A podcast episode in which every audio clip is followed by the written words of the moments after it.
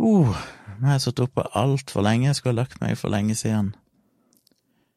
Men uh, jeg kom over et sånt kurs forleden dag som jeg maila til meg sjøl. Det er sånn jeg har en tendens til å oppbevare linker, som sikkert mange gjør. Finner en eller annen interessant artikkel eller noe sånt som ikke du har tid til å lese med en gang, så blir det til at jeg gjerne bare mailer den til meg sjøl, så blir den liggende i innboksen. Jeg har aldri funnet et skikkelig godt system. Jeg har prøvd uh, Hva det heter Instapaper? Nei. Jo, kanskje det er dette det første programmet, et av de første som kom. Og så er det jo eh, det her eh, Pocket, og det er jo Evernote, og det er mange sånne systemer for å lagre artikler og linker. Jeg har jo endt opp med et som heter Raindrop, som opprinnelig var et sted du bare kunne lagre linker, men i nye versjoner nå så lagrer han òg innholdet på de websidene du lenker til, sånn at hvis de nettsidene forsvinner seinere, så har du på en måte en, en kopi av det liggende inne i Raindrop. Og Raindrop er veldig fin, du kan kategorisere innholdet veldig greit, og du kan søke i innholdet, og det er jo en uh, extension eller plug-in til nettlesere, så du lett kan, hvis du er inne på ei webside, så er det bare å klikke på et ikon, så kan du velge å lagre den linken i den kategorien du vil, inn i Raindrop, og en har mobilapp og full pakke, og en widget til mobilen òg, så på mobilen òg, hvis du er inne i Safari eller et eller annet program på mobilen din, Chrome eller Firefox, så kan du lett slenge en link inn i Raindrop, så du har den der. Men hvis jeg bare legger ting der for at jeg skal lese det seinere, så er jeg ikke noe rutine på å faktisk huske å gå inn og lese det. Så derfor blir jeg aldri helt komfortabel. Det er jo primært mitt problem, for jeg har ikke etablert en rutine for det. Men uansett om jeg lagrer ting i for eksempel før når jeg brukte Pocket, så lagrer jeg artikler der, og så glemte de vekk, så det endte jo bare opp med at jeg hadde hundrevis av artikler som jeg aldri så på. og Pocket likte jeg heller ikke så veldig godt, for det var vanskelig å kategorisere ting. Du måtte stort sett bare tagge det, vidt jeg husker. Det ligger med Raindrop at du kan lage kategorier, og du kan jo tilordne forskjellige ikoner til de kategoriene, sant, de rent sånn visuelt er lett å kjenne igjen. Uh, og i Raindrops kan du slenge inn PDF og litt sånn forskjellig.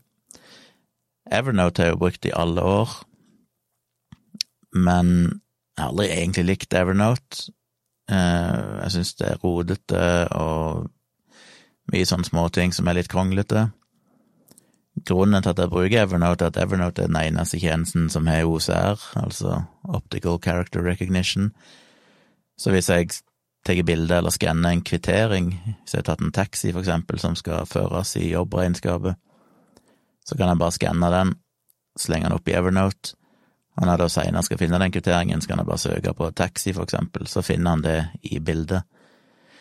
Jeg har jo brukt Evernote til å lagre screenshot, hvis jeg screenshotter kommentarer på Facebook eller et eller annet sånt, så er det lett å finne dem tre år seinere, så kan jeg bare søke på et navn eller et ord jeg vet var i den kommentaren, så finner Evernote det bildet, den screenshoten, for den kan søke i tekst i bildet. Og det er ganske unikt. Så Evernote har jeg, men nå bruker jeg det primært mest bare til sånn langtidslagring av ting. Jeg bruker det i firmaet, i IT-firmaet mitt sin. Eh, alt av kvitteringer sånn jeg får på mail, det slenger jeg opp i Evernote. Og så annenhver måned så får jeg en mail fra regnskapsføreren at hei, kan du ja, sende meg en bankutskrift, og så han krysser av de bilagene som mangler i, i regnskapet, så han kan du finne disse bilagene og sende meg. Så går jeg bare i Evernote, og så bare søker jeg opp stikkord, navnet på det som står i på bankutskriften, kontoutskriften, og finner de bilagene, lagrer de som PDF, og sender han en mail med alle PDF-ene med de bilagene han mangler. Så det bruker jeg det til der, og så bruker jeg det til hvis jeg har bestilt en konsertbillett eller et eller annet sånt som jeg vil oppbevare et trygt sted, så legger jeg den der, eller en billett til en ferie, eller jeg har jo kopi av uh, fødselsattesten til dattera mi og pass, bilde av pass og sånne ting, sånn at jeg vet at hvis jeg noen gang mangler det og trenger det, så vet jeg jeg kan finne det i Evernote. Kanskje ikke helt 100 sikker, for Evernote jeg, jeg vet ikke hvor god sikkerhet de har, men jeg har iallfall to iallfall tofaktorautentisering og litt sånne ting, så det får være godt nok. Men hva det egentlig skulle si, jo, jeg hadde funnet denne linken som jeg maila til meg sjøl, så sånne ting jeg vet jeg vil egentlig sjekke ut ganske kjapt, men bare ikke har tid akkurat nå, så jeg enten en tendens til å bare mailer det til meg sjøl. Og jeg hadde for noen dager siden eh, funnet en link til et to og et halvt times kurs i bruk av blits. Det høres vel feiende spennende ut, tenker dere sikkert når dere hører det. Dere er sikkert dødsmisunnelige på at dere skulle gjerne sett den videoen. Men det er sånn jeg koser meg med. Jeg har litt sånn angst for blits. Jeg har brukt det litt. Dere har kanskje sett de modellbildene jeg tok av, eller boudoirbildene jeg tok av Tone, som ligger ute i fotogalleriet mitt på foto.tjomli.com. Der uh, brukte jeg blits. Det er vel egentlig eneste gangen jeg har Ja, pluss de bildene jeg tok av han Eirik, han uh, musikeren som òg ligger noen bilder av det inne på fotogalleriet mitt. Han som står med et sånn horn. Jeg husker ikke hva det heter lenger. Navnet på det instrumentet. Men det er slags sånn horn, da. Uh, der brukte jeg òg blitt.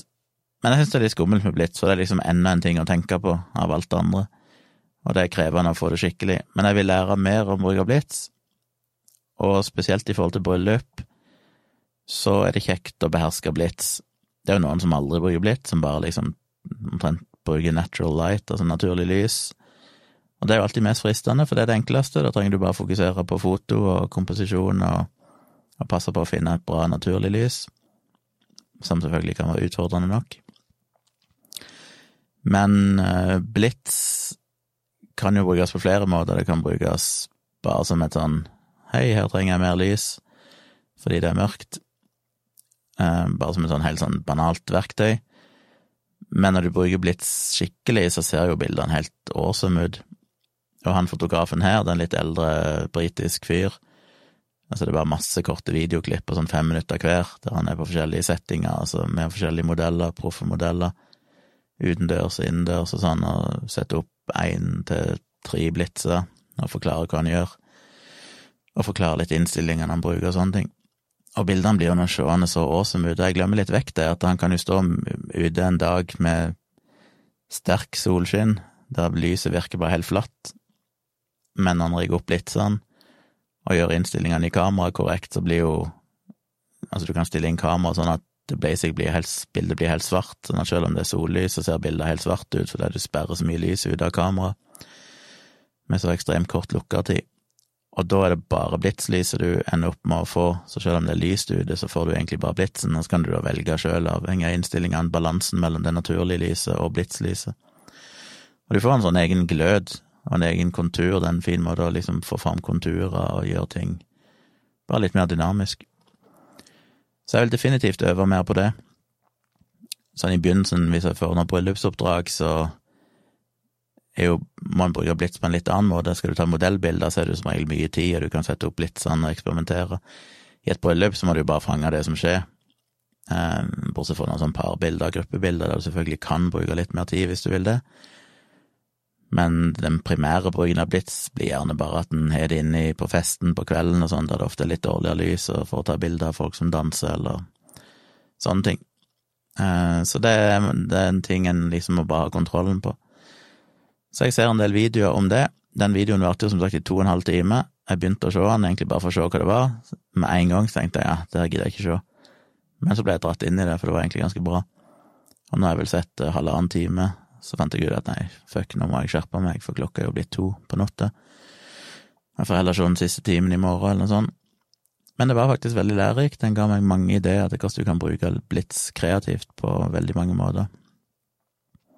Nå har jeg bare én blits, da. Skulle gjerne hatt en til. Men i første omgang så må jeg lære meg å bruke blitsen skikkelig, og så kan en eventuelt ha en ekstra blits når en har litt kontroll på det, og utforske mulighetene der. Så det er sånn jeg, eh, som jeg sa tidligere i en episode her, det er så uendelig mye jeg vil lære. Jeg blir helt gal. At jeg bare har lyst til å sitte døgnet rundt og lære ting, og så eksperimentere og prøve. Det føles bare som det er bare innenfor det lille snevre feltet fotografi, så er det liksom så uendelig mye å lære. Og det det trives jeg med. Jeg elsker det, liksom min eh, Det er da jeg slapper av, når jeg kan sette meg ned og se et eller annet informativt som jeg lærer noe av. Det inspirerer meg alltid og får meg til å liksom slappe av, så Men jeg må få lagt meg, for det er jo en jobbdag i morgen, så det måtte jeg Da måtte jeg trykke stopp på den videoen, som var litt vanskelig, men jeg gjorde nå det, flink som jeg var. Ellers har vi spilt inn eh, dialogisk i kveld, via livestream, fordi vi ikke hadde lyst til å hoppe ut på smittetog og ikke orka det bryet med å reise ned til studio. Det var atter en sånn episode der vi hadde ikke snakka i forkant, meg og Dag, som vi som regel egentlig ikke gjør, bortsett fra at vi av og til sender hverandre noen linker, bare sånn hei, kanskje vi skal snakke om dette. I dag hadde vi ikke gjort det engang, så det ble liksom sånn vi møttes tre minutter før vi skulle starte, skrudde på kameraene og, og bare sa ja, vi får bare kjøre på og se hva det blir til. Og det er det som er litt deilig med hele det der dialogiske konseptet, at det har blitt så enkelt nå, at uansett om vi har ingenting å prate om, ingenting planlagt, så bare starter vi, og så plutselig så bare dukker det opp et eller annet, og så ender det opp med å fylle halvannen time med prat om noe som ja, ofte er relativt interessant, syns jeg sjøl. Eh, I dag var jo en sånn episode der jeg ikke syns det var Forrige episode, den første etter sommeren, der vi blant annet gikk gjennom en sånn political compass-test for å teste dere politiske orientering i et amerikansk politisk landskap, eh, så så hadde jeg en sånn godfølelse etter episoden der jeg følte sånn, at denne episoden fikk jeg sagt ting som jeg er fornøyd med, jeg følte jeg fikk uttrykt noen gode poenger. Mens denne episoden i kveld var litt mer sånn eh, følte, følte meg ikke helt sånn Det er ofte sånn, det er en del episoder der en bare føler at ja, det var greit nok, men jeg følte ikke jeg trakk ut noen dype essenser, og føler jeg sa dumme ting. Og... Men sånn er det når du skal snakke på sparket i halvannen time om ting du ikke er forberedt, så er det klart at, at det blir jo en Det blir jo mye å tenke høyt, at du prater mens du tenker, og det kan være litt random hva som kommer ut. Og så følte jeg òg litt på det nå, for det er jo en tre episoder siden sist eller sånn, vi spilte inn eh, foran et eh, på å si publikum live på nett. Og det er jo ikke så mange, det er en sånn 50-60 stykker eller sånn som er inne og ser på eh, i det øyeblikket. Men jeg merka plutselig det, at det var litt sånn oi, shit, det er litt mer sånn anstrengt når det er folk sånn, du vet at folk sitter og ser på, du føler litt press på at du må si ting, være litt fornuftig. Når du sitter i studio, så føles det jo, selv om jeg vet jo at det er akkurat like mange som kommer til å høre på det til syvende og sist, så føles det mer avslappende på et vis, og det føles mer intimt, det er bare meg og Dag som prater, det er ikke så nøye med alle andre. Men når du har folk som du vet ser på, for du ser at det er så og så mange inne og ser på akkurat i det øyeblikket, og folk kan skrive kommentarer i kommentarfeltet som kommer opp på skjermen, så er det en litt annen dynamikk, på godt og vondt. Det er sikkert både fordeler og ulemper med det, men jeg kjente litt på det presset. Og apropos publikum, så skal vi jo ha dette liveshowet på torsdag. Shit, det nærmer seg. I Trondheim, hvis ikke det blir noen endringer i forhold til korona og sånn. Jeg håper jo det blir per nå så har vi jo fått en eh, Det er ikke bekrefta, dessverre. Vi har fått en fyr som jeg ikke kan si, for det at eh, Ja, jeg kan ikke fortelle hvorfor jeg ikke kan si det, men for det var litt av poenget faller bort, men det er en eh, veldig, veldig kjent person som vi skal ha som gjest, forhåpentligvis. Dag har spurt han. Han sa i utgangspunktet ja, hvis et eller annet, og så sjekka jeg opp det visse, og så ordna det seg og så ga Dag beskjed til han om at det var i orden. Og så har han ikke lest den meldinga som Dag sendte i går. Så vi har liksom ikke fått den endelige bekreftelsen. Han har jo allerede sagt ja, han blir gjerne med hvis, eh, og det er jo avklart, men jeg tør ikke ta det helt for gitt. Hvis han blir med, så blir det en overraskelse. Vi skal ikke si hvem det er, jeg skal ikke annonsere hvem det er, av forskjellige årsaker som jeg kan komme tilbake til seinere. Men eh, det blir en fin overraskelse for folk, tror jeg. En fin gjest. Som vi ville tenkt på tidligere, at han skulle vi gjerne hatt som gjest, men nå falt liksom ting på plass, så, så det er kult hvis vi får han. Det blir en, eh, en boost. De som er i Trondheim, får sette live, selvfølgelig, men vi spiller jo inn episoden, så det blir jo gitt ut så alle andre får hørt det seinere. På et eller annet tidspunkt. Vi bruker ofte sånne live-episoder til å fylle inn hvis vi ikke kan spille inn, eksempel hvis det er en ferie, høstferie eller noe sånt, der vi ikke har anledning til å spille inn, så kan vi da slenge ut den episoden ifra arkivet istedenfor. Pluss at vi uansett venter litt med de live-episodene, for det, det, er jo litt med det at de som faktisk møter opp live, skal få den fordelen med at de får sett det først, og så må alle andre vente. Så derfor gir vi liksom ikke ut den episoden dagen etterpå, for da tar det vekk litt av poenget. Ikke hele poenget, selvfølgelig, men litt av poenget med å være der og møte opp som publikum. Og som sagt, de som er i Trondheim kan komme, det er jo gratis, du må bare reservere plass, og du må inn på nettet og bestille plass på vettuva.no, er det vel, eller søk opp Vettuva på Facebook, så finner du arrangementet sin side. Det er en festival som de kaller for Vettuva. Så det finner dere hvis dere vil, og er i Trondheim på torsdag. Ellers er det jo en bra festival, ser det ut til. Det er jo både torsdag, fredag, lørdag og søndag, med foredrag og paneldebatter og sånn, utendørs på Torvet, på en utendørsscene der. Så eh, ja, det tror jeg, hvis dere er i Trondheim, så vil jeg jo anbefale sterkt å sjekke ut det. Det tror jeg blir god underholdning. Hadde jeg bodd der og hatt mulighet, så hadde jeg jo gjerne vært der alle dagene, for det var et interessant program, men nå får jeg bare med meg det lille med meg sjøl på torsdagen. Så må vi hjem igjen på fredag. Og i helga så håper jeg jo, og da har jeg litt lyst til å eksperimentere litt med foto. Nå har jeg jo tatt inn veldig mye teori, det betyr at jeg òg eksperimenterer litt. Jeg føler jeg har fått en del ideer og ting jeg må øve på. Så jeg må se om jeg kan få Tone til å stille opp litt som modell, og øve litt på blits og litt sånn forskjellige ting. Teste ut litt forskjellige objektiver. For det er jo det vi Jeg har ennå ikke fått bekreftelse på om jeg blir booka til denne bryllupet på Geilo i oktober, som er litt kjipt. Jeg hater når det er sånn du skal få en tilbakemelding, og så får han ikke det. Og så vet han ikke helt hva han skal gjøre. Skal han purre? Skal han vente? Jeg føler meg dum som purrer hvis de har valgt noen andre, for det er sånn, ah, ok. Eh, det er helt fair at de velger noen andre, og det er vel egentlig forventa kanskje at de velger noen andre, men da er det lettere å ikke purre, altså heller bare få beskjeden eller ikke høre noe, enn å faktisk ta kontakt sjøl og så få en sånn negativ beskjed i trynet. Men uansett så skal jeg jo neste fredag til Bergen og være assistent, som sagt, fotograf i et bryllup, så når jeg er assistent, så vet jeg ikke om jeg kommer til å bruke noe blits og sånn, for jeg vil ikke blande meg inn i det hovedfotografen gjør.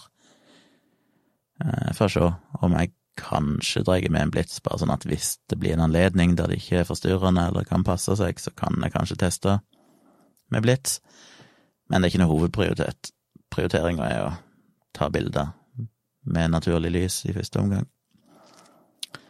Og så må jeg òg finne ut av hvordan folk reiser med alt dette utstyret. Jeg har jo en kamerasekk, og den har jeg jo reist med både til Japan og Island og rundt forbi, og det er jo greit hvis du bare har kamera og noen objektiver og sånn.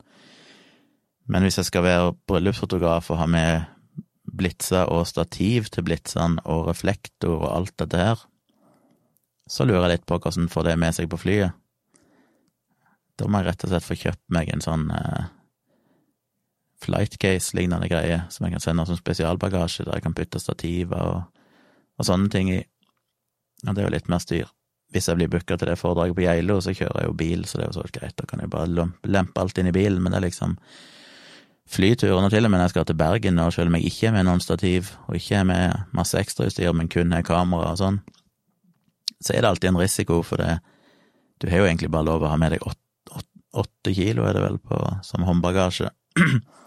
og kamerautstyr må antakes som håndbagasje, du kan ikke sende det innsjekka, for det, da er det jo sannsynligvis ikke fungerende når du får det ut igjen i andre enden.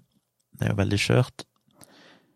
Så den sekken min, jeg stapper den med to kamera og en tre-fire objektiver og ladere og laptop og litt sånne ting, så veier jo den sikkert 15 kilo som teknisk sett de da kan nekte deg å ta med.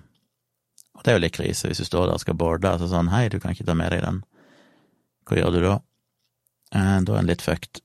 Så min strategi, det har jo gått greit tidligere, jeg har jo bare sekken på ryggen, for da skal det vel veldig mye til at de sjekker det, han er jo ikke veldig stor, og de vet jo ikke hva som er inni. Så jeg bare går med han og lar det som han ikke veier noen ting, selv om han er steintung, og bare prøver å gi inntrykk av at det er en helt vanlig sekk med et eller annet lett inni. Men jeg er alltid redd for at de skal sjekke den noen gang. Og jeg har jo lyst på en større sekk, for det hadde vært mer romslig, selvfølgelig, lettere å få med seg flere ting. Men den sekken jeg har nå, den er jo tilpassa de kravene som Ja, det varierer jo fra flyselskap til flyselskap, men iallfall SAS sine krav til størrelse, høyde, bredde og dybde på håndbagasje.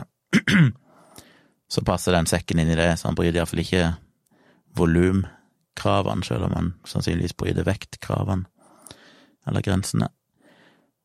Men eh, Så det er jo et sjansespill. Jeg har jo lyst på en større sekk, litt grann større, men da er det jo litt større risiko for at de stopper deg, så det er vanskelig å vite. Så jeg får se hvordan jeg ordner det i framtida. Hvis jeg noen gang blir booka til fotooppdrag og må reise med fly og sånn, så må jeg nok eh, investere i en eller annen sånn solid koffert.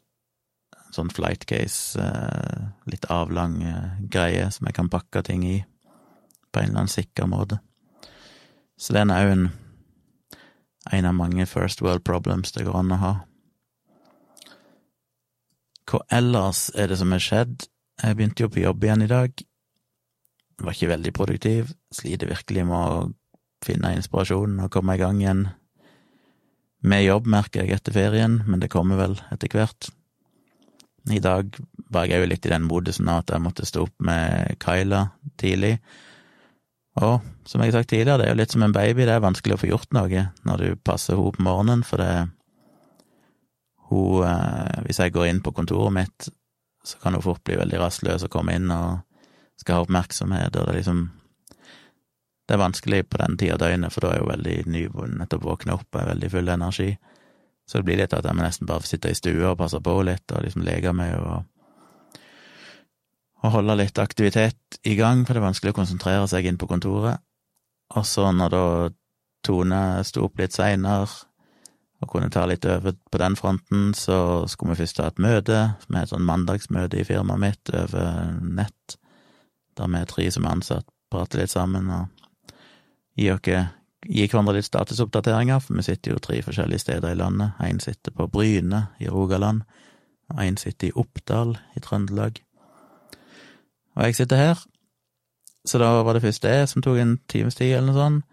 Og så visste jeg jo at jeg hadde dialogisk klokka seks, og så måtte jeg fikse litt greier med kamera og sånn, og få justert alt og fikse rommet her sånn at det fungerte til livestream, med lys og alt.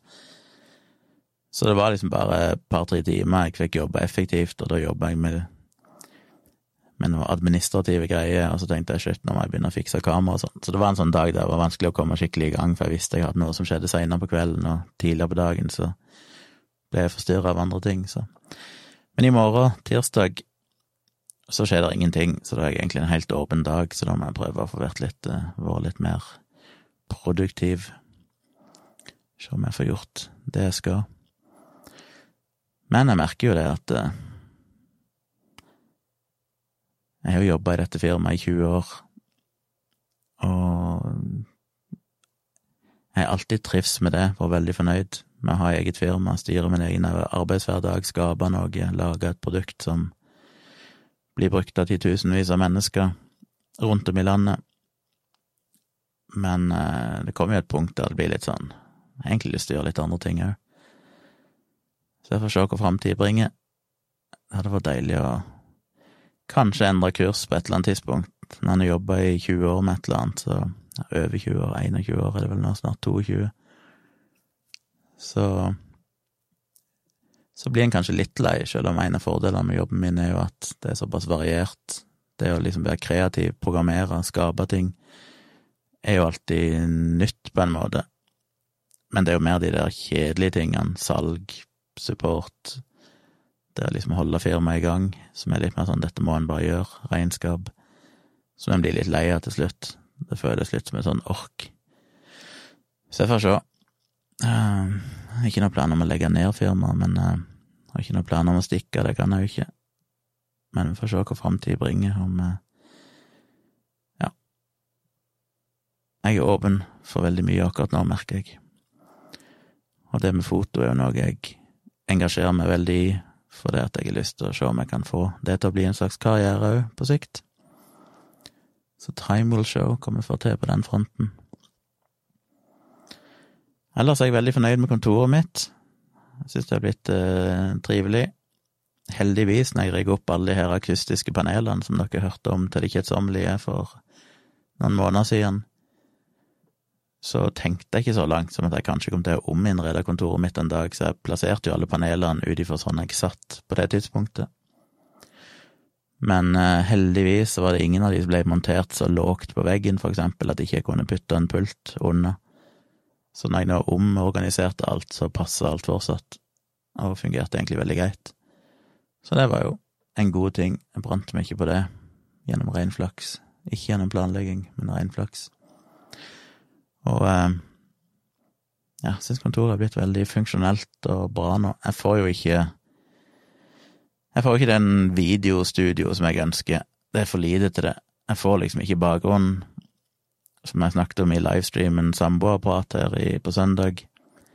Når jeg flytta kameraet litt i forhold til sånn som jeg og Tone hadde det i samboerprat, men jeg hadde jo en idé om å ha noen sånn bokhylle jeg har bak meg her på veggen, som jeg, jeg plasserer objektiver og sånn i, og ha det som en bakgrunn.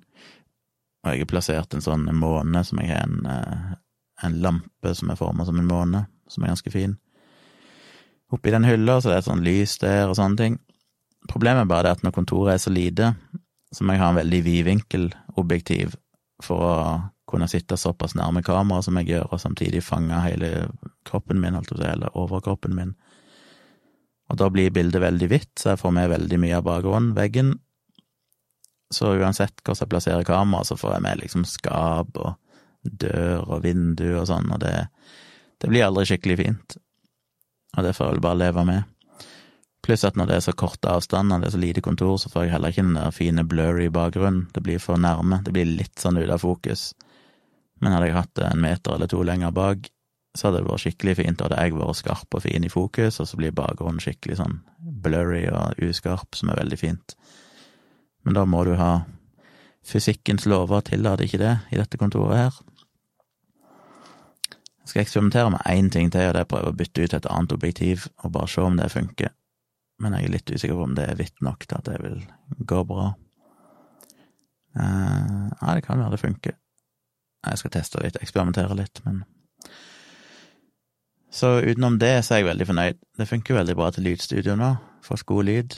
Det var vel verdt den investeringa jeg gjorde i disse lydpanelene, akustiske panelene. Og eh, det er blitt koselig og trivelig, og jeg har plass til det meste av det jeg egentlig vil ha her, selv om det er litt trangt. Så jeg er fornøyd. Det er liksom en plass jeg koser meg med å gå inn og sette meg ned, og føle at det er mitt uh, domene. Her har jeg det fint, og det er blitt liksom ganske lunt og sånn òg. Selv om jeg ikke er en person som er så flink til å innrede mye av det som gjorde susen, var at jeg fikk et teppe på gulvet Bare et billig teppe jeg kjøpte på europris av alle plasser, som var litt sånn nøytral i fargen, litt grå med noe mønster i. Men den, eh, det var mest bare grunn lyden, at jeg trengte demping av refleksjoner fra gulvet. Og da er det viktig å ha et teppe på gulvet, så ikke du bare har en hard, kald overflate som reflekterer lyden. Men når jeg fikk den inn, så endra det hele rommet. Det ble liksom plutselig så lunt og fint bare å få det teppet der, så det, det gjorde susen. Og så slår det meg jo at jeg har imponerende nok nesten glemt helt vekk den der fuckings saksintantologien som jeg må ta tak i. Beklager, folkens, jeg lovte jo egentlig den skulle, hadde jo ambisjon om at den skulle være ferdig veldig fort, og så mista jeg helt piffen. Jeg må jo få tatt tak i den igjen, og prøve å få fullført det prosjektet. Men eh, som dere vet, det er jo bare ett av mange prosjekter, jeg har altfor mye mange baller i lufta. Men eh, ja. Og så er jeg fornøyd med at jeg fikk lagt ut to nye foredrag, både det jeg spilte inn live, pluss det gamle fra 2011, som jeg lagt ut. For da er det iallfall tre foredrag inne på patronen min, så det gir jo litt uh, skeptisk content. Jeg har jo litt dårlig samvittighet for det. Jeg kanskje føler at uh, mange av dere som støtter meg og følger meg, gjør det fordi at jeg har profilert meg som skeptiker og fokusert på vitenskap og kritisk tenking, og så føler jeg kanskje mye av innholdet i patronen min har blitt uh, noe litt annet enn det. For det handler mer om hva jeg engasjerer meg i til enhver tid, enten det er lyd eller foto eller sånne ting.